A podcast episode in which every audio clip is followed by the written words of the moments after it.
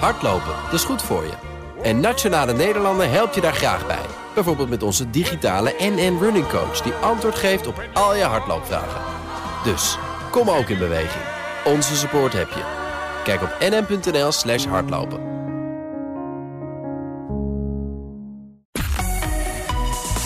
BNR Nieuwsradio. De AEX-factor. Jelle Maasbach. Welkom, je luistert naar de AX Factor, de podcast voor de slimme belegger. Met dit keer een hele speciale, namelijk de eindejaarsuitzending. We blikken terug en we tellen af naar het nieuwe jaar. Welke aandelen moet je kopen en waar moet je zo snel mogelijk vanaf? En daarvoor hebben we misschien wel het beste duo in de studio. Want we hebben niemand minder dan Corné van Zijl van Actiam... en Errol Keijner van de Vereniging van Effectenbezitters. Heren, beide welkom. Leuk dat jullie er weer zijn. eh. Ja, je ziet het niet, maar ik denk wel dat we nu allebei aan het blozen zijn. Maar voor we, eh, ja, voordat we onze glazen bollen erbij pakken, gaan we eerst even terugblikken op beursjaar 2021. De besmettelijke Delta-variant van het coronavirus neemt in rap tempo toe in de stad. Het kabinet sluit verlenging van de anderhalve meter en zelfs een lockdown in het najaar niet uit. Waar vaccins werden gezien als het beschermingsmiddel, blijken die nu de verspreiding van de Delta-variant niet altijd tegen te kunnen houden. New data that we've seen just in the last several days, but corroborated several times, is that if you are vaccinated and you are one of those rare breakthrough infections, you actually have the capacity to pass it to somebody else. Nieuwe coronavariant Omicron is niet meer te stoppen. Ook in ons land nemen de besmettingen toe. In één zin samengevat, Nederland gaat vanaf morgen nog een keer in lockdown. Nederland gaat nog een keer op slot. De inflatie is in november gestegen tot het hoogste niveau sinds 1982. Het inflatiespook, dat is er weer. Paniek, verhoogde rente, al die geluiden gaan op. Of toch niet, want de baas van de Europese Centrale Bank, Christine Lagarde... die houdt vol dat het een tijdelijk stukje geldontwaarding is. Kortom, niets aan de hand. De Lagarde doet gewoon de ogen dicht en hoopt dat, je, dat die auto niet tegen de muur klapt. Short interest in GameStop. And this GameStop situation is the craziest I think I've ever seen. We have some breaking news uh, right now on what has turned into uh, the soap opera and uh, saga of the markets right now, and that is the story of De GameStop. videowinkelketen was wekenlang een speelbal van een legertje kleine beleggers... dat de koers flink opjoeg door massaal aandelen te kopen... en dat terwijl shortsellers juist speculeerden op een koersdaling. Wereldwijd groeide de IPO-markt dit jaar met 64 procent. Om zo'n sterk jaar te vinden moet je terug naar, naar 2007. Dus eh, je, kunt wel, eh, je kunt wel stellen dat er wat koers gebroken zijn op de IPO-markt. De ene na de andere coronagolf teisterde afgelopen jaar ons land en de rest van de wereld. De Delta- en Omicron-variant rukten op. Toch gingen de beurskoersen in 2021 in een rechte lijn omhoog. Errol, om met jou te beginnen, waarom waren beleggers zo optimistisch terwijl er zoveel aan de hand was in de wereld? Er is geld in overvloed. En dat werd op allerlei manieren nog verder gestimuleerd. Nog zoals jarenlang al door de centrale banken. En tegelijkertijd zijn steeds meer overheden tot de conclusie gekomen dat ze nog een zetje moesten geven. Juist om de impact van de corona-epidemie eh, tegen te gaan. Dus op meerdere manieren wordt de groei gestimuleerd. Ja, dus eh, er kon geen slecht nieuws tegenop eigenlijk. Die... Blijkbaar niet. Nee. Hoe kijk jij daarnaar, eh Corné? Nou ja, er was ook eigenlijk helemaal geen slecht nieuws. Eh, als je eventjes... Er was geen slecht nieuws. Als je even het woordje corona eruit haalt. eh, kijk, een, een belegger koopt een aandeel omdat er een goede onderliggende winstgroei is. En die was er. En dat was simpelweg uitstekend. We hebben de, de winsten van de AX-bedrijf met 51% zien stijgen. Zo'n grote winststijging hebben we gewoon simpelweg nog nooit gezien. Sinds de AX bestaat. En dat is wel eh, het mooie. En dat is ook de reden waarom aandelenkoersen dat zo goed hebben gedaan. Nou, en is dat eh, te danken aan eh, mevrouw Lagarde en meneer Powell, de centrale bankiers? Eh, in hele... stonden klaar om die economie te redden. Ja, nou, maar in een hele beperkte mate. Want als je gaat kijken waar die winstgroei dan vandaan komt... de grootste bijdrager is good old Shell. En dat komt dus simpelweg door de olie- en gasprijs. En die is gestegen niet omdat mevrouw Lagarde het zo goed eh, heeft gedaan... of zo slecht heeft gedaan, of wat ze dan ook heeft gedaan. Het gaat gewoon eh, een kwestie van vraag en aanbod. En ja, de vraag bleek dusdanig zoveel beter. En de OPEC hield zichzelf onder controle... waardoor de olieprijs omhoog ging. En daar heeft eh, de winst in ieder geval van Shell enorm van geprofiteerd. Ja, Shell gaan we het zo meteen eh, nog verder over hebben. Want speelde wel echt een hoofdrol eh, in het afgelopen beursjaar. Errol, hoe kijk jij naar de rol van centrale banken? Ja, ik kijk er hetzelfde naar als uh, de afgelopen tien jaar. En ieder jaar denk je, dit kan toch niet doorgaan. En die lage rente is een enorme stimulans voor bedrijven, voor, voor beleggers en noem maar op, consumenten. Dit kan niet zomaar doorgaan. En ieder jaar, iedere keer, iedere keer zeg ik opnieuw, nou, nu een beetje voorzichtig zijn om te gaan beleggen. En iedere keer zit ik ernaast. En de reden dat ik ernaast zit, heeft ermee te maken dat er dusver inflatie geen issue bleek. Sterker, deflatie of de angst voor deflatie bleek veel groter. Wellicht is dat een verandering die ons te wachten staat in de komende jaren. Ja, uh, en de ECB waarschuwde nog niet zo heel lang geleden voor bubbels. Heb ik jou misschien ook wel eens over uh, gehoord? Ja, die bubbels worden alleen maar groter. Uh, die, die waren een paar jaar geleden ook. En ze worden iedere keer meer opgeblazen. Daar kun je relatief relaxed over zijn als je praat over beleggingen in serieuze ondernemingen. Uh, misschien obligaties van serieuze ondernemingen. je moet je wel wat meer zorgen maken als geld richtingen zoekt waar eigenlijk geen verdienmodel of een serieus bedrijf achter zit. ja, noem de, de cryptos maar. noem mm. allerlei exotische zogenaamde beleggingen die veel weg hebben van, van gokken en hoop op nog betere uh, tijden. Dus daar, daar beginnen we ons wel echt zorgen over te maken. Ja, uh, beleggers nemen veel meer risico, Corné. Maak jij je daar ook uh, zorgen om? Of zie je het niet zo? Ja, inderdaad. Errol en ik hadden het van tevoren over dat we het met elkaar oneens zouden zijn. Nou, in ieder geval op dit onderwerp niet. Inflatie is zeker iets wat erbij gekomen is. En daar gaan de centrale banken op reageren. En dan zie je dat er minder liquiditeit op de markt komt. En je ziet dat de ECB Aldera uh, wat minder gaat opkopen. Je ziet dat uh, vet minder gaat opkopen. En de meeste centrale banken zijn al met renteverhogingen begonnen. Dus dat betekent hele andere monetaire omstandigheden dan we de afgelopen jaren hebben gezien. En met name het afgelopen jaar hebben we natuurlijk ja, heel veel van die fancy fantasiebeleggingen. Die, die echt enorm opgestuurd zijn omdat er zoveel geld aanwezig is. En daar gaat wel verandering in komen. En de oorzaak daarvan is die hogere inflatie. Want dat soort fancy aandelen die, uh, die gaan uh, naar beneden volgend jaar. Uh, ja, zeg nooit nooit. Maar uh, laat ik zo zeggen, als je gaat kijken naar de verklaring waarom die, die ballon zo is opgeblazen, mm -hmm. dan zit dat wel in een enorme hoeveelheid extra liquiditeit die erbij gekomen is. Als je naar de geldhoeveelheid kijkt ten opzichte van de economie, dan zie je dat die ballon echt heel erg flink is opgeblazen. Ja, en die gaat in het komend jaar krimpen. Ik zal niet zeggen dat die klapt, maar hij zal gaan krimpen. En in dat soort omstandigheden zou het logisch zijn uh, dat dat soort ja, bubbelachtige omstandigheden in bepaalde segmenten van de markt gewoon uh, daar veel last van gaan krijgen. Wil niet zeggen dat het gaat klappen. En het kan altijd langer doorduren dan je van tevoren van mogelijk hebt gehouden. Maar het zou logisch zijn dat die bubbel weer wat uh, leeg gaat lopen. Ja, 2021 was ook het jaar van uh, het Damrak. De Amsterdamse beurs was nog nooit zo populair. 25 uh, beursgangen dit jaar. Een, een record. Er je er dan met je Nederlandse vlaggetje heel blij te wapperen als echte chauvinist? Of, of nou, ik ben, ik ben misschien de, de, meest uitgesproken chauvinist. Maar de VEB is erg blij als de Amsterdamse beurs relevant is en relevant blijft en misschien nog relevanter wordt. Ja. Uh, je moet natuurlijk wel kijken wat komt op de beurs erbij.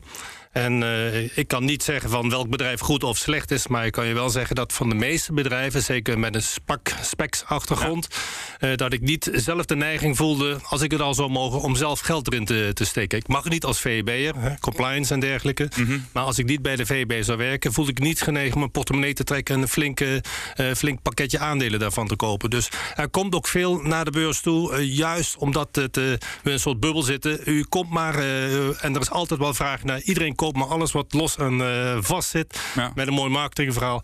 En, en wij zitten volgens mij in de fase, zo net werd 2007 genoemd. Hè, toen was er nog een piek en daarna stortte het in elkaar. Het lijkt veel meer op 1999. Hè, toen werd ook uh, heel veel mooie marketingverhalen neergezet. En beleggers kochten alles wat los en vast zit. Dat is voor een deel nu ook gaande.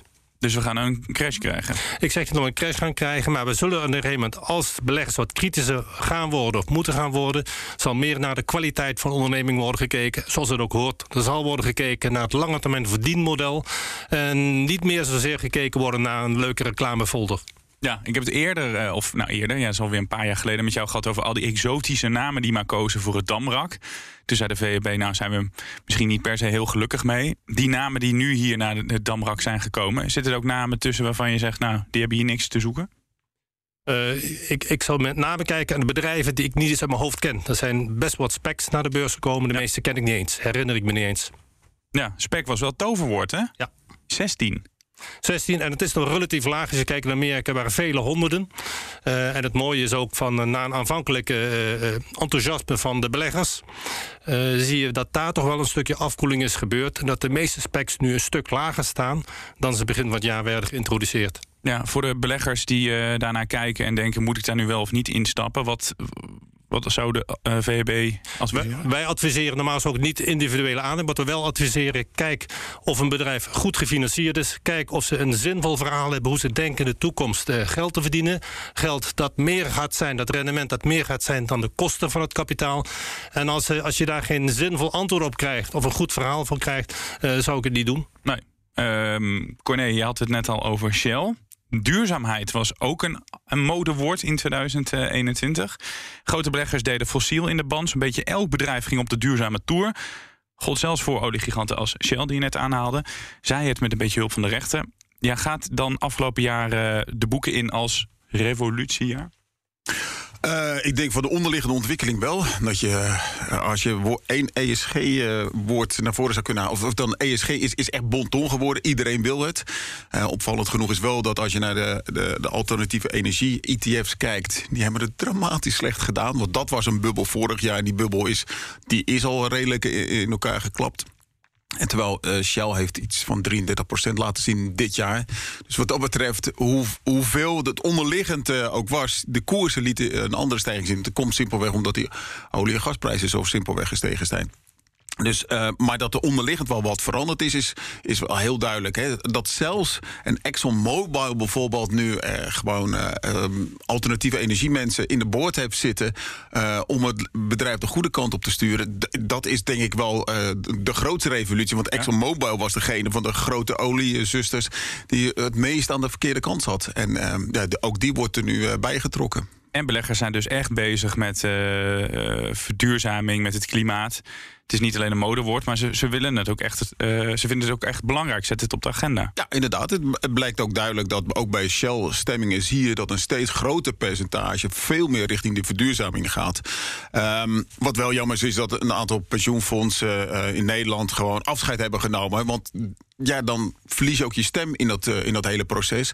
Waarmee ze anders, als je er nog wel aan tafel had gezeten, ze een bepaalde richting op kunnen duwen. En ja, als je je aandelen verkoopt, heb je die stem natuurlijk niet meer. En het is een beetje een overdeur, maar deze trend zit er gewoon. Uh, de duurzame trend zegt er door, denk ik. Hè? Ja, dat lijkt me wel, wel duidelijk. Uh, iedereen weet waar we naartoe willen. En iedereen weet ook waar de investeringen plaatsvinden. En het, het, zeg maar, als je gaat kijken naar Engine One, die uh, activistische belegger die bij ExxonMobil gekomen is, die heeft dus ook echt een bestuurder neergezet. Die zegt ja. Wij willen ESG, en met name natuurlijk E uh, in het geval van ExxonMobil Environment.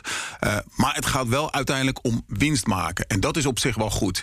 ESG is goed, maar het moet wel, met, moet wel een winstgevende business zijn. En die kant zie je dat het wel opgaat. En ik denk dat als je dat niet doet, dat, dat je het alleen maar uit ideologisch perspectief doet, dan kom je niet zoveel. En dan heb je allemaal verliesgevende bedrijven die gaan uiteindelijk toch failliet. Dus dat moet je niet willen. Je moet het wel als winstgevende perceptie zien. Ja, nog een thema, activisme. 2021 was wel echt een druk jaar als ik het zo allemaal onder elkaar zet. Uh, het was ook het beursjaar van de activisten. Uh, Errol, en ik zeg niet dat jij uh, activistisch bent, maar uh, een klein legertje beleggers die die shortsellers een koekje van eigen teef gaf. Daar wil ik het over hebben. Dan hebben we het natuurlijk over dat Reddit-leger, wat zich stortte op GameStop. Hoe heb je daarna gekeken? Met verwondering. Uh, stiekem zei ik leuk dat, uh, dat de kleine zogenaamde beleggers een keertje hebben gewonnen. dankzij groepsvorming ja, en uh, chatbot tegen, Goliath, ja. tegen, die, tegen die hedge funds. maar uiteindelijk had het helemaal niets met beleggen te maken. Je ziet wel de macht. de macht van grote aantallen of de macht van het grote geld. Eén van die twee heb je wel nodig. En dat zelfs het grote geld het F heeft verloren. Dat is op zich wel leuk om te zien, grappig om te zien. Maar je moet er eigenlijk ver weg van, van blijven. Het heeft niet te maken met beleggen. GameStop heeft niets te maken met een serieus bedrijf nee. waar je miljarden winst uit kunt verwachten. En uiteindelijk werd het aantal wel als zodanig gewaardeerd. Dus dat is meer uh, van de zijlijn gezien. Is ook een teken van hoe excessief de situatie is, is geworden. Uh, wat serieuzere activisme uh, dat betreft, wil ik toch graag terughaken op hetgeen waar jullie ze net over hadden. de duurzaamheid. Vroeger was duurzaamheid echt iets voor bevlogen mensen die meer links gedachtegoed hadden hoe je er ook in moreel opzicht over mogen denken. Al ben je de meest ouderwetse kapitalist. Tegenwoordig is duurzaamheid gewoon een vereiste. Ook al vind je niet dat het groener moet worden in de wereld... Hè, en ik sta er neutraal in als -hmm. persoon... Uh, uiteindelijk zal wetgeving en de maatschappij... maar ook je klanten zullen je gaan dwingen. En worden je producten gewoon niet meer gekocht. En dan heb ik echt niet over oliemaatschappij... maar veel andere bedrijven die, uh, die, die heel veel gebruik gaan maken... van niet zo duurzame energiebronnen... Die zullen worden gedwongen door klanten om anders uh, hun, hun, productieprocessen gaan, te gaan organiseren. Um, je zult ook worden gedwongen door wet, wettelijke maatregelen. Op een gegeven moment wacht, wordt misschien je license to operate, de, dat je überhaupt nog zaken mag doen, wordt je ontnomen. Ja, dan houdt het gewoon op. En dan kom ik toch terug waar wij voor als VEB voor staan, voor de belegger. Daar sta je als belegger ook met lege handen. Dan is het niet meer zozeer een kwestie van morele standaarden, duurzaamheid of niet. Dus puur eigenbelang, financieel eigenbelang, dat je er rekening mee houdt in welke mate je verdienmodel in de toekomst wordt, uh, wordt uh, beïnvloed door nieuwe wetgeving en maatschappelijke en politieke standaarden. En ook juridische standaarden die middels in Nederland worden gezet. Dus dat is een ander soort activisme. Je hebt ook de ouderwetse activisme, dat een, uh, dat een partij zegt van... nou ja, Shell, kun je wel op die manier gaan werken? Moet je niet gaan opsplitsen? Daar valt wat voor te zeggen. Zelfs bij Ahold uh, Delhaize moet je bol.com niet uh, gaan afsplitsen. Dus waarde ontsluiten. Just Eat Takeaway, een ander voorbeeld. En daar valt echt wel wat voor te zeggen. Ze hadden een hele dure en moeizame overname gepleegd... in de Verenigde Staten, Grubhub. En daar zijn veel, veel beleggers die twijfelen erover. En die de koers geeft aan dat sindsdien er toch wel een probleem is bij, bij Just Eat Takeaway. En dan is de gedachte snel geopperd. Weet je wat, uh, stoot het maar weer af. En misschien krijgen we de oude koersen weer terug. Dus uh, aandeelhouders, al niet activistisch, die mengen zich. en die roepen het bestuur op om waarde te ontsluiten. Uh, en inderdaad, dat is een, allemaal die voorbeelden die je noemt wat meer praktisch activisme dan dat spelletje wat die Reddit-beleggers uh, spelen. Ja, na deze terugblik uh, is het hoog tijd om onze glazen bollen uit de, de, kast te trekken. Krijgt het beursfeestje in 2022 een vervolg of gooit de stijgende inflatie definitief route in het eten? Nou, ik kan geen aflevering maken dit jaar zonder het woord inflatie te noemen, Corné, maar we gaan het toch doen. Om met die laatste vraag te beginnen. Verpest die stijgende inflatie de goede economische vooruitzichten voor de komende jaren? Nou, eigenlijk niet. Uh, simpelweg, inflatie is goed voor bedrijven, zolang de inflatie maar uh, hoger is dan de looninflatie. En dat is nog steeds het geval. Dat betekent dat je slecht af bent als werknemer, want ja, de prijzen stijgen harder dan jij meer loon erbij krijgt. Ja. Uh, maar het is wel een, een, punt. En het vreemde is dat de rente daar nog nauwelijks op heeft gereageerd. Als dat wel gaat gaan gebeuren, dan heb je als aandelenbelegger wel ook een probleem. Want een hogere rente betekent simpelweg dat aan, uh, obligaties aantrekkelijker worden. En zullen, zal er geld van aandelen naar obligaties gaan. En dat beïnvloedt de waardering van je aandelen. Voorlopig is het nog niet zo. Wat je wel ziet is dat er heel veel vrees voor die looninflatie is. Met name in de Verenigde Staten. Daar is de arbeidssituatie toch iets anders dan bij ons. Ja. Uh, en daar zie je dat uh, Morgan Stanley heeft een heel mooi mandje gemaakt van de aandelen met de grootste exposure naar, uh, naar lonen. Met name aan de onderkant van de, van de arbeidsmarkt. En die zie je dat daar beleggers al. die, die performance is al heel erg slecht. Die heeft maar 5% performance laten zien. Waarbij de SP 500 even uit mijn hoofd gezegd iets van 35% performance heeft laten zien. Dus wat dat betreft doen ze het al heel veel slechter. Dus je ziet al beleggers voorsorteren dat die looninflatiegolf er volgend jaar nog, nog veel groter zal zijn. En aan de inflatiekant uh, zal het vooral de inflatie zijn waar bedrijven niet zoveel aan hebben. Bijvoorbeeld uh, de olieprijs zal naar beneden gaan. Daar hebben de bedrijven wat, wat last van, met name de oliemaatschappijen. Maar looninflatie is natuurlijk erg onprettig. Maar ook wooninflatie. Hè. Je ziet dat de huren nu sterk gaan stijgen. Ja, dat is wel inflatie, maar daar hebben die bedrijven niks aan. Nee. Hoe, um, wat, wat, wat, verwacht jij van die inflatie uh, volgend jaar, Errol? Is het weer zo'n pijn, uh, pijnpunt wat elke keer terug gaat komen? Of loopt het uh, ja, mensen ik, af? Zoals ik misschien al eerder zei, of probeerde te zeggen. In eerder jaren kon je altijd zeggen... we zijn bang voor een rentestijging. Maar dat zit voorlopig niet in de kaarten... omdat er nog niet zo'n vooruitzicht is op inflatie. Sterker, we zijn meer bang voor deflatie. Ja. Nou, nu hebben we het eerst, voor het eerst sinds heel lange tijd echt dat er serieuze inflatie is. Dan zeggen de mensen, ja, veel mensen zeggen van ja, luister, dit is alleen maar een tijdelijk fenomeen, want dat komt door de energie, die is inderdaad heel duur geworden. En disruptie in de, in de toegangsketens van, van allerlei productieprocessen, de problemen met China door corona enzovoort enzovoort. Alleen maar tijdelijk. Dat komt allemaal weer goed en dan gaat het onder de 2% weer, weer, weer dalen. Echter, het feit dat het er nu überhaupt is, en in combinatie met dat toch een diverse landen, inclusief in Nederland, best wel een tekort is aan, aan heel, veel, heel veel eh, medewerkers, eh, vakkrachten, eh, met personeel dat je, dat je gewoon zoekt. Ja, daar gaat er wel wat meer druk komen dat de inflatie misschien meer is dan alleen maar iets, iets tijdelijks. Als dat zo is, gaat de rente omhoog moeten. Dan zullen de centrale banken hun primaire rol serieuzer moeten gaan oppakken. En dan gaat het pijn doen ook voor, uh, voor beleggingen. En dan het soort belegging dat er heel veel last van gaat hebben... zijn sowieso bedrijven die veel moeten gaan lenen. Maar veel meer juist de bedrijven die uh, heel innovatief zijn... waarbij de verdienkracht juist in de verdere toekomst ligt. En dus die toekomstige winsten tegen uh, hoge rente netto contant moeten worden gemaakt. Dus juist die groeibedrijven die zullen relatief meer last ervan gaan krijgen. Ja, in het verlengde van wat Errol zegt. Uh, dit jaar was ook wel een jaar van tekort. Het personeelstekort, het materialentekort, het grondstoffentekort. Gaat dat tekort door in 2022, Corné? Ja, voorlopig wel. We hebben net weer gehoord dat Micron uh, een aantal fabrieken heeft moeten sluiten vanwege uh, de Omicron-variant in, in China. Dus dat betekent simpelweg dat hè, we dachten iedere keer van, nou ja, als, die, als de virus nou een beetje bij is, dan kan al die, die goederenstromen weer een beetje soepel gaan. En dat blijkt iedere keer weer uitgesteld en uitgesteld te worden. Uiteindelijk gaat het er wel komen. Je ziet er heel veel productiecapaciteit opbouwen, maar dat zal met name voor de wat langere termijn zijn. Dus ik verwacht wel dat er heel veel van die tijdelijke effecten uit zullen gaan. Olie gaat op een gegeven moment er gaat niet toch eens een keer 50% op. Uh, de btw-stijging in Duitsland bijvoorbeeld zal begin volgend jaar een negatief effect gaan krijgen. Uh, op basis van vergelijkingsbasis. Dus een heleboel van die tijdelijke effecten verwacht ik ook wel. Maar uiteindelijk blijft die inflatie wel hoger dan dat die was voor het virus. Ja, we hebben het C-woord eigenlijk nog niet genoemd. Corona. Corné zei aan het begin van deze aflevering, Errol... als je corona buiten beschouwing laat, was er niet zoveel slecht nieuws. Nou, als we corona wel in beschouwing nemen...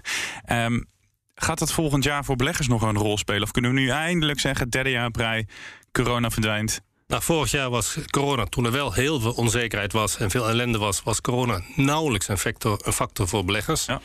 Nou, als je vanuit gaat dat corona niet heel veel erger was dan de afgelopen twee jaar, dan zou je kunnen aannemen dat voor beleggers er ook nog minder impact was. Dat ja. was al heel weinig. Er zijn ook vaak branches, branchespecifieke uh, issues. Bijvoorbeeld in de toeristische sector heb je gewoon heel veel last daarvan. En de wat kleinere bedrijven die juist niet beursgenoteerd zijn, denk aan horeca en dergelijke, ja, die hebben gewoon echt problemen. En die worden natuurlijk al enigszins in leven gehouden door uh, maatregelen vanuit de overheid, steun vanuit, vanuit de overheid. Maar voor beleggers die uh, algemeen in de multinationals hebben belegd, in Amsterdam of in New York of waar dan ook, heeft, is het nauwelijks een factor van betekenis. Nee, ja, Corné had het al over die winst die gigantisch zijn gestegen. Het was echt business as usual.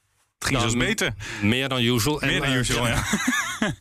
maar wat je dus, wat je dus hebt, hè, laat, laat ook niet vergeten, wat, wat onder andere de Nederlandse overheid heeft gedaan... door uh, de mensen, de branches die heel veel last hebben van de, van de lockdowns... om die te ondersteunen, zodat mensen in dienst konden blijven. Als dat niet was gebeurd, had je een heel ander keteneffect kunnen gaan krijgen... waardoor het vertrouwen al geheel in de maatschappij omlaag was gegaan... massawerkloosheid, enzovoort, enzovoort. En als de ene branche problemen komt, dan infecteerde weer een andere branche... enzovoort, enzovoort. Dat is allemaal niet gebeurd. En uh, dat is natuurlijk terecht en heel goed... en dus ook voor beleggers dat dat is gebeurd... dat de feit dat de problemen zijn beperkt tot enkele branches... die notabene nog steun hebben gekregen van de overheid ook. Dus ja, ik ben wat dat gaat voor corona niet pessimistisch voor, vanuit beleggingsperspectief. BNR Nieuwsradio. De AEX-factor. Jelle Maasbach. Bij mij nog altijd Corné van Zel van Actiam en Errol Keiner van de VEB. Inflatie, rente en corona bepalen het beursjaar 2022. Maar er staat nog iets belangrijks op de agenda. Aan de andere kant van de oceaan zijn het de tussentijdse verkiezingen. Corné, Joe Biden uh, die probeert van alles. Hè? Um, gaan de Democraten het uh, een beetje goed doen, denk jij? Ja, ik ben natuurlijk niet echt een verkiezingsexpert, maar als je een beetje uh, uh, de, het nieuws hebt gevolgd. De, ja, en de, en de theebladeren leest, dan kom je er wel uit dat hij waarschijnlijk het Senaat wel gaat verliezen. En dat is wel heel erg jammer. met name ook hoe, als je naar de invulling van de kiesdistricten kijkt, betekent dat de Republikeinen sowieso al een, een, een, een soort van voorsprong hebben ten opzichte van de Democraten. En het is al om het even. Dus dat wordt heel moeilijk. En ja, ook zijn huidige beleid wordt niet echt gewaardeerd door de Amerikanen. Dus dat zijn allemaal minpuntjes. En het is al zo'n krappe meerderheid. Dus dat lijkt me wel erg logisch dat hij die meerderheid gaat verliezen. Ik weet niet hoe het met jou zit, Errol, maar ik vind het altijd heel fijn om CNN aan te hebben. En dan alles is breaking. En je ziet de mensen voor die, die schermen staan en de, de exit polls. Ziet er tof uit. Wat betekent het voor beleggers als, waar Corné het net over heeft, Joe Biden uh, ja, minder stemmen gaat halen? Niet de Joe Biden, maar als de Democraten het slechter gaan doen, laat ik het zo zeggen. Volgens mij hoeft het niet slecht nieuws te zijn vanuit nee. beleggingsperspectief. Uh, het is trouwens een heel normaal fenomeen dat uh, bij de eerste tussentijdse verkiezingen de, de zittende president en partij ja, uh, een stukje macht verliest. En daardoor zorg je juist ervoor dat er iets wat meer balans komt, dat het niet al te radicaal is en dat het wel redelijk voort blijft kabbelen naar boven toe in de Verenigde Staten in economisch opzicht. Dus wat dat gaat ben ik niet zo heel, heel pessimistisch daarover. Je moet ook nagaan, ja, Biden zal, heeft problemen om zijn stimuleringspakket, met name om sociale zekerheid, wat om hoger plan te krijgen. Meer in de buurt van wat we in Europa gewend zijn. Dat daar zeer veel weerstand uh, gaat komen. Er wordt een kleine 2000 miljard dollar probeert hij uh, erin te pompen om een welvaartsstaat uh, wat, wat hoger te krijgen. Daar zal hij flink wat concessies moeten, moeten gaan doen. Ja. Veel Amerikanen, maar ook veel beleggers zullen zeggen van dat geld kan beter worden gespendeerd. investeringen in infrastructuur die wel al zijn goedgekeurd, dat is prima. Daar profiteert de economie als totaal van op de lange termijn. Maar om mensen nog een steuntje in de rug te geven in de Amerikaanse mentaliteit, dat valt lang niet altijd goed. Nee, er zitten inderdaad wel onderdelen in die, uh, die goed zijn. Goede investeringen noemen we dat dan, uh, Corné. Dat build back better. Ja, als hij dat ook niet in delen erdoor krijgt... Wat ja, betekent dat... dat dan voor de Amerikaanse economie? Uh, nou ja, op, op zich uh, niet zoveel. Die, die investeringen, dat heeft pas op lange termijn een effect. Het is wel zo dat met name die, uh, dat sociale aspect... dat het heel veel childcare is en educatie en dat soort zaken. Ja, en dat zijn ook investeringen voor de lange termijn. Maar dat betekent ook op korte termijn... dat de, de consument het ook wat makkelijker heeft. Met name de consument die het wat moeilijker heeft... en aan de onderkant van de samenleving zit. En dat heeft in principe, hè, dat zijn wel de mensen... die iedere dollar die ze extra ontvangen... ook volledig weer uitgeven. Dat hebben we ook gezien met de tijdelijke stimulans afgelopen jaar. Met die uh, tijdelijk verhoogde uh, of arbeid, nee, werkloosheidsuitkeringen. Dus dat is op korte termijn ook een positief effect. Maar ja, als het niet gaat komen, dan heeft het dus geen effect. En over het algemeen is, ik heb even statistisch naar gekeken, zo'n divided tussen, de House en de Senaat. Als dat in verschillende handen is, zijn over het algemeen wel de betere beursomstandigheden. Om de simpele reden dat inderdaad, zoals Errol zei, geen rare extreme uh, voorstellen gaan komen. Ja, we gaan het over jawel, individuele namen hebben. Welke aandelen hè, gaan het doen? Voordat we dat gaan doen, laten we eens kijken wat voor beursjaar het wordt. Uh, ik had het net over glazen bollen. Corné, je hebt geen glazen bol, maar je hebt wel een enquête gehouden. Wat voor beursjaar het wordt. Ja, uh, nou, is nog niet helemaal afgelopen, maar er hebben al honderd uh, beursexperts aan meegedaan. Dus wat dat betreft denk ik dat het redelijk representatief is. En we gaan geen rendement uh, maken. In ieder geval niet qua koersen. Dan hou je nog, ze verwachten een AX-stand die zo'n beetje hetzelfde is als wat we nu op de borden zien. Dus dat betekent dat je een paar procent dividendrendement, daar blijft het dan wel ook bij. En ik zal er gelijk bij zeggen, dat dachten ze vorig jaar ook. En toch werd het plus 28 procent. Dat komt omdat vanwege die enorme winststijging die ze ja. niet hadden voorzien. Maar nu verwachten ze het weer. En uh, ja, we hebben het net al over gehad. De rentestijging zal daar een hele belangrijke factor zijn. Als die er gaat komen, dan zal dat de waardering van de aandelen uh, simpelweg naar beneden duw duwen. En dat is waar die experts allemaal bang, uh, bang, voor zijn. En dat is wel een hele andere omstandigheid dan een jaar geleden. Een jaar geleden hadden we niet verwacht dat we naar dit soort inflatiecijfers zouden kijken. Ja, jij bent natuurlijk onafhankelijk namens het Van Zijl Economisch Instituut. Maar als je toch een mening mag geven, wat denk jij dat de beurs gaat doen volgend jaar? Ik denk dat die experts zoals gelijk kunnen gelijk gaan krijgen. Ja, okay. ja, ik denk niet zeker. Kijk, die winsten die zullen wel doorkabbelen, die zullen wel wat hoger gaan. Maar ik ben heel erg bang voor de waardering. Je staat nu 17 keer de verwachte winst voor het komend jaar voor de AX. Historisch gemiddeld is 14 keer. Nou, is natuurlijk tegenwoordig een tech-index, dus die verdient ook wel een wat hogere index, uh, hogere waardering. Maar ik ben heel erg bang voor de effecten van die hogere rente. Uh, al decennia lang verwachten we ieder jaar een hogere rente, maar ik ben bang dat die er nu echt gaat komen. En dat betekent simpelweg dat de waardering van aandelen wat naar beneden kan. Nou, oké. Um, Errol, je had het uh, eerder over uh, Just Eat Takeaway. Dat was niet het aandeel dat je nou moest hebben dit jaar. Hè? De helft van de waarde verloren. Um, dan denk je thuisbezorgd, lockdowns, veel eten bezorgen. Hè? Restaurants zijn dicht, daar profiteren ze van. Waarom werd toch zo'n beroerd beursjaar voor Jitse Groen en consorten? Omdat uh, ze zeer uh, sterk expanderen. Met name expanderen ook nu in de Verenigde Staten... waar ze een behoorlijk forse overname hebben geplaat, uh, gepleegd met Grubhub. En juist die overname die draaide een stuk minder lekker... dan ze met z'n allen hadden gehoopt. Mm -hmm. En dat is eigenlijk de hoofdreden dat, ze, dat, ze, dat het gewoon qua koersresultaten... voor Just Eat Takeaway erg is tegengevallen. Ja, activisten hebben ze aan hun broek. Uh, ja, begrijpelijk. Ja, begrijpelijk zeg je. Wat wordt het voor, te, voor jaren Ja, eh, de VEB heeft ook die kristallenbol niet. eh, maar ik durf op persoonlijke titel wel wat dingetjes erover te zeggen. Ik eh, vrees dat als de rente omhoog gaat... dat zelfs de, de experts die de enquête van Corné hebben ingevuld... toch nog te optimistisch zijn. Vorig jaar waren ze te pessimistisch. Dus de beurs eh, iets van 28% gestegen. Misschien als ze nu te optimistisch zijn... dan daalt die wellicht een, een fors deel en blijft hij niet constant. Rente is zeer relevant. En rente zal met name pijn gaan doen voor bedrijven... die gewaardeerd zijn voor de groei nogmaals, met de toekomstige groei tegen een hoge eh, eh, rentefactor moeten worden verdisconteerd. Dat betekent dat die het meeste pijn gaan lijden van, van een hogere rente. En veel beurzen eh, die worden gedragen, zeker in de Verenigde Staten, door bedrijven die een, een fors groei in vooruitzicht hebben gesteld. En die gaan qua waardering dus daar het meeste pijn van hebben. En dus bedrijven als Just Eat Takeaway. Ja, Just Eat Takeaway. Maar zelfs de, de mastodonten kun je, kun je aan denken. Hè, de, de Googles en dergelijke, Facebook. Geweldige bedrijven qua verdienmodel. Eh, en daar wordt verwacht dat het nog jarenlang fors blijft stijgen, de winsten.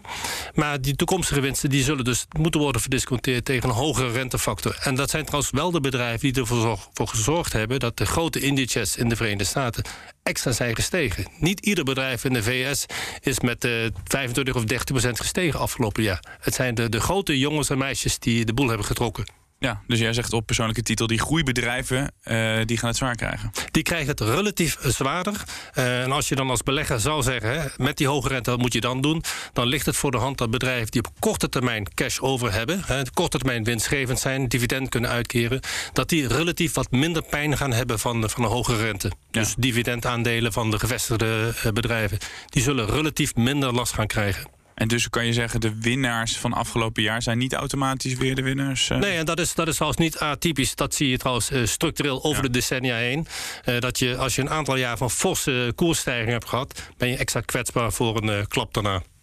Kijk, daar zijn we het nou eens niet met elkaar eens. Nou, leuk. Eindelijk een keer. Ik volg altijd eh, de Christmas, eh, het lijstje van, eh, van Citibank. En die kijken altijd naar wat zijn nou de beste aandelen geweest... en wat zijn nou de slechtste aandelen geweest. En het blijkt dat over het algemeen... met uitzondering van afgelopen jaar in ieder geval wel, dat wel... maar dat over het algemeen kan je maar beter in de winnaars zitten van afgelopen jaar... dan in de losers. Want die losers blijken toch wel fundamenteel... m, om wat voor reden ook zo slecht ervoor te staan... dat ze het komend jaar dan ook weer slecht doen. Dus normaal gesproken kan je beter in de winnaars blijven zitten. Terwijl je zou kunnen zeggen, die, eh, die losers die eh, moeten toch weer opkrabbelen. Ja, niet allemaal, maar de kans is groot dat ze weer eh, gaan stijgen. Ja, inderdaad. Maar vaak zit er dus een hele fundamentele onderliggende reden aan. Kijk naar de losers uh, Just Eat Takeaway en uh, Philips dit jaar. Die, dat, dat zou best nog wel eens een jaar door kunnen zingen. En dat, uh, met veel tranen voor beleggers. En ja, dat zie je dus dat, een, dat er een, een, een, vaak een neiging is van beleggers. Van nou, die aandelen zijn zo lekker gedaald. Die, die wil ik hebben voor het komend jaar. Maar het blijkt geen winstgevende strategie te zijn. Ja, dus trouwens niet het punt wat ik probeer te maken. Dat de, de losers van dit jaar de kanshebbers zijn voor komende jaar. Wat ik probeer te zeggen is dat de winnaars niet van afgelopen jaar, de winnaars van afgelopen tien jaar, they are priced for perfection. Mm -hmm. zijn geprijsd alsof het eeuw, een eeuw lang zo het feest blijft. En uh, ik vrees dat als de rente hoger wordt, dat ze daardoor wat meer pijn gaan leiden. Maar Google gaat niet failliet daardoor, voor de nee, goede orde. Nee. Uh, maar de, de, de, stijging die ze, Apple, de stijging die ze de afgelopen tien jaar hebben gemaakt, dat wordt gewoon steeds moeilijk om dat te evenaren. Dat zou een leuke nieuwskop zijn. Errol Keijner, tussen haakjes VHB, Google gaat failliet. Dat gaan we niet zeggen. Waar ben jij dan enthousiast over? Waar verwacht jij op persoonlijke titel veel van? Van welke namen? als je dan toch, is misschien helemaal niet slecht als je wat pessimistischer bent om iets wat cash terzijde te houden, dat je kunt profiteren van een correctie van de markt. Maar dat zeg ik echt op persoonlijke titel, want cash is natuurlijk op zich het meest slechte wat je kunt hebben. Maar ik zou het toch wel willen hebben, wat ammunitie. maar als je zegt, datgene dat je belegt in aandelen. Kijk naar uh, serieuze bedrijven met een sterke balans. Die uh, veel dividend uitkeren met een langdurig verdienmodel. Persoonlijk zit ik uh, heel veel. Ik beleg ik in de Verenigde Staten, in de grote farmaceuten. Pfizer heeft natuurlijk enorm goed gedraaid afgelopen jaar. Maar ik denk ook aan Merck, Bristol Myers, een bedrijf dat veel slecht heeft gedraaid qua koersresultaten. Maar over drie jaar echt nog wel zal bestaan met een enorme portefeuille aan, aan, aan medicijnen en dergelijke. Dus bedrijven die een sterke balans hebben en die, die veel dividend uitkeren, denk 3, misschien wel 4% dividend uitkeren en die over vijf jaar nog wel zullen bestaan. Nou, vind je die namen ook op het Damrak? Uh, uh, ik vind ze niet. Nee. En ik mag ook niet op Damrak uh, beleggen, maar we hebben niet heel veel farmaceuten in Nederland. Corné, jij verruilt aankomend jaar groeiaandelen in voor saaie aandelen. Ja, inderdaad. Uh, Kun je dat toelichten? Nou, met name ook omdat daar het dividendrendement uh, best wel prima is. Je hebt dan verzekeraars, telecombedrijven, uh, misschien wat olie- en gasbedrijven. Die laten allemaal inderdaad het dividendrendement van 3, 4, soms wel 5 procent. Dat is best wel serieus veel, zeker als je het vergelijkt met de huidige spaarrente. En dat zijn bedrijven die een beetje onderbelicht zijn, waarbij de onderliggende winstgroei best wel goed is geweest. Ja, en iedereen uh, wil die sexy uh, techbedrijven hebben. En die zijn al uh, inderdaad, zoals ik net al heb gehoord, price for perfection. Price for perfection daar ja. ben ik het dan wel, wel weer helemaal mee eens. Um, en dat is denk ik ook een van de redenen waarom je volgens mij een beetje van Amerikaanse aandelen af moet blijven. Uh, 25% van de S&P 500 bestaat uit de vijf grote technamen. En ja, ja, de koers of de winstontwikkeling is goed geweest. Maar het is vooral waardering wat die koersen heeft gedreven. Iedereen wil die aandelen hebben. Nou, dat snap ik ook wel. Maar dat zit dus al in de koers. Dus die, ik denk dat die uh, wat overdreven zijn. En niet alleen als je naar de winst kijkt, ook als je naar uh, prijs to sales kijkt. Dus de, ten opzichte van de omzet. Dan zie je bijvoorbeeld zo'n Microsoft is van, van 2,5 naar 11 keer de omzet gegaan. Ja, dat, weet je, dat slaat nergens meer op. Die marges kunnen hoog zijn, maar dit is wel wat overdreven gewaardeerd. Dus die gaan de grootste klappen krijgen. Uh, en dat betekent dat je beter je, je, ja, je rendement in die, die hele saaie aandelen kan zoeken. Mag ik ja. nog een saaie, saaie branche noemen? Ja. Uh, als de rente flink omhoog gaat, dan gaan die ook last krijgen. Echt, er is een, een branche die voordeel kan hebben bij een hoge rente. Denk aan de, de grote verzekeraars wereldwijd. Hè. Denk aan Allianz, daar zit ik zelf in een AXA. Maar ook op de Nederlandse Dambrak, daar heb je bijvoorbeeld een Egon, een NN-groep. Het zou kunnen, die zullen zeker pijn hebben als de rente korte termijn omhoog gaat. Op de lange termijn helpt het verzekeraars om producten te creëren waar een markt voor is. Dat wil zeggen, voor klanten is het veel interessanter een lijfrentepolis te kopen waar een positief rendement uh, op geldt in plaats van met een negatieve rente, waar die producten niet te construeren zijn door een verzekeraar. Ja. Dus er zijn branches die voordeel kunnen hebben van een langdurig hogere rente. Ja, je ziet dan ook als je een grafiekje legt van de relatieve performance van die verzekeraars ten opzichte van de rente, bijna een één op één correlatie. Echt, uh, beleggers reageren als een soort Pavlov-hondje van oké, okay, rente omhoog, dan kopen uh, verzekeraars. Nou, um, je had het net ook over dividend, Corné. Dat is wel toevallig, want in 2022 is een record aan dividendopkomst, zowel in Europa als in Amerika. Is dat omdat ze in uh, nou, coronatijd, begin van coronatijd flink hebben opgepot? Dat ze nu denken van nu gaan we die beleggers even verwennen? Ja, dat is een belangrijke factor. Wat, wat we in 2020 hebben gezien is dat iedereen ongelooflijk... Ja, 2020 was iedereen ongelooflijk voorzichtig. Ze dachten, we weten allemaal niet wat er gaat gebeuren... dus we houden zoveel mogelijk cash. En sommige bedrijven mochten geen cash uitkeren, zoals de banken. Nou ja, en dat gaat allemaal komen. Dus al dat geld wat opgepot is, dat uh, wordt uitgekeerd. Je ziet ook dat in de Verenigde Staten ook een record aan buybacks uh, gebeurd is afgelopen jaar. Simpelweg, ja, je moet wat met dat geld. En ja. al die aandelen zijn al zo duur als je andere partij wil overnemen. Dus die zijn al veel te duur, dus dat willen ze ook niet. Ja, dan geef het maar terug aan de aandeelhouders. Via cash of via, uh, dus als dividend, dus of als buyback. En uh, gaat het om bijna elk bedrijf dan dat uh, zo'n beetje dividend wil uitkeren? Uh, nou, als ik zo kijk, ik kijk al met name op indexniveau en daar zie je dat het echt wel een, een record is. En ook voor het komend jaar een record verwacht wordt. Dus dat is ook logisch. Maar dus als je naar de MSCI World kijkt, dan, ja, dan, dan gaat het ongelooflijk goed. En eigenlijk is dat ook wel de, de primaire basis natuurlijk als belegger. Eh, als je gaat kijken van uh, hoeveel de dividenden gestegen zijn... die zijn in de afgelopen 30 jaar ver 25voudigd. En dat is waar je uiteindelijk... Ja je mooiste rendementen vandaan haalt. En wat zijn dan die dividendkoningen waar je, die je moet hebben? Nou, in de verzekeraars, in uh, uh, olie en gas, in, in banken, in, uh, in telecom... daar zie je echt wel hele mooie dividendrendementen... als je met name dan in Europa kijkt. Ja, en jij mag niet op het damrak beleggen, hoorden we net, Errol. dus je wijkt uit naar Amerika. Daar is ja. het ook wel jackpot. Ja, dat, is, jackpot trouwens. Ondernemingen hebben natuurlijk veel winsten gemaakt, maar de kaststromen waren ook zeer positief. Uh, tegelijkertijd hebben veel ondernemingen de, de lage renteperiode ook gebruikt om heel veel geld te lenen. Dus hun, balans zit vol met, met cash. En, uh, ja, dat is hebben, en sommigen moesten even oppotten, financiële instellingen. Het mocht even niet worden uitgekeerd. Dus de, de, de het bonanza-tijdperk gaat nu echt, echt komen in uh, 2022. Dus voor dividendbeleggers is dat in ieder geval een mooie, mooie, mooie buffer voor eventuele tegenvallende, tegenvallende koersresultaten. Ik ben ook wel benieuwd wat er volgend jaar gaat gebeuren bij Warren Buffett. Toch wel de bekendste belegger. 150 miljard dollar heeft hij achter de hand. Als die dat in een pakhuis zou zetten, dan uh, zou uh, Dagobert Duck verbleken. Ja, had het al over buybacks. Dat heeft hij gedaan, terwijl hij er eigenlijk helemaal niet in gelooft. Maar ja, hij, hij moest wat met dat geld. Gaat hij volgend jaar nog wat doen? Of, of gaat hij uh, enorme dividenden uitkeren? Wat denk jij? Uh, ik denk dat hij nog steeds wacht op, uh, op koopjes. Uh, koopjes niet wat wij hier aan deze tafel zouden zien, maar koopjes die relevant zijn. Een koopje van 100 miljoen dollar stelt niks voor. Nee. Hem. Zullen tientallen miljarden per aankoop moeten gaan zijn om een deuk een pakje boter te kunnen slaan bij hem bij Berkshire, waar hij dan de baas van is. Dus hij zit gewoon te wachten tot er interessante kansen zijn op de markt. En dat betekent ook dat de waarderingen van sommige bedrijven omlaag moeten. Of de partij bij hem aankomen kloppen en zegt: luister, ik heb je een enorm groot bedrijf. Jij zou een beter thuis ervoor kunnen gaan, uh, gaan zijn. Maar de waarderingen, daar heeft hij een probleem mee. Dus hij heeft niet alleen ondernemingen die hij als totaal koopt. Hij koopt ook aandelen van de beursvennootschappen op. Ja. En daar vindt hij gewoon dat de meeste beursvennootschappen te zwaar en te hoog zijn gewaardeerd voor wat ze bieden. Ja, dat heeft hij inderdaad meerdere keren laten weten tijdens die uh, bekende aandeelhoudersvergaderingen. Dat het uh, nog te hoog gewaardeerd is. Wat denk jij, Corné? Wat, wat, wat ah, kan ja, die uit zijn hoge hoed over? Als je wat breder kijkt, en hij koopt inderdaad liever grotere bedrijven. Maar als je naar de SP 600 kijkt, dat is zeg maar de 600 bedrijven onder die SP 500. Daar is de koerswinstverhouding een bescheiden 15 keer van ten opzichte van 21,5 keer voor de SP 500. Dus dat betekent dat als je naar een, niveautje lager gaat, dat de waarderingen veel en veel lager zijn. Dus ik denk dat hij daar wel zijn slag kan gaan slaan. maar moet hij heel veel uh, kopen. Nou ja, dan heb je het nog over. Het, uh, nee, maar ook. Uh, je moet, ik geloof dat je ergens enkele tientallen miljarden zit je nog steeds in de, uh, de kan je nog steeds wel je, je slag slaan. Dus, uh, en dan kom je in de S&P 500, 600 terecht, die kleinere beleggingen. Ja, tot slot, als je op zoek bent naar onontdekte, ondergewaardeerde beursbedrijven... waar moet je ze gaan zoeken aankomend jaar? De VS hadden we het net over, China... Wat denk jij, El? Ik, ik, zou, ik zou bij gevestigde markten blijven.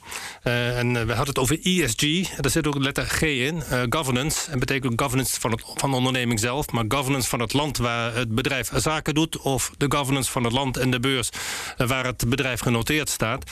En dan zou ik toch liefst willen beleggen in een onderneming waar de governance veilig staat qua locatie. En ik weet niet of ik mijn geld direct of indirect in China zou, zou willen, willen leggen. Nee. Waar zou jij die uh, onontdekte beursbedrijven zoeken, Corné? Ik denk dan vooral in Europa en als je in Amerika gaat, bij die wat kleinere bedrijven en bij China. Ja, het heeft het dramatisch slecht gedaan. Als je naar die Chinese internetbedrijven kijkt, die zijn afgelopen jaar 40% gedaald. Ten opzichte van de die 30% gestegen is. Dus er zit een enorm gat tussen. Maar dat is er niet voor niks inderdaad. Ik zou ook niet zo graag mijn geld in Chinese internetaandelen willen. Want je weet nooit of je morgen nog de aandeelhouder bent. Of dat de overheid er iets heeft gedaan of het bedrijf onderuit gehaald. En dat hebben we diverse keren gezien in het afgelopen jaar. Dus daar zou ik erg voorzichtig mee zijn. Daarmee eh, zijn we aan het einde gekomen van deze aflevering. Tenzij jullie nog een goed voornemen hebben of iets wat jullie willen delen, dan, dan kan dat natuurlijk nog. Maar ik zie jullie niet, uh, nee, niet getreurd. Er staan nog heel veel afleveringen die je kan luisteren. Abonneer je nu en je luistert automatisch volgende week weer naar een nieuwe.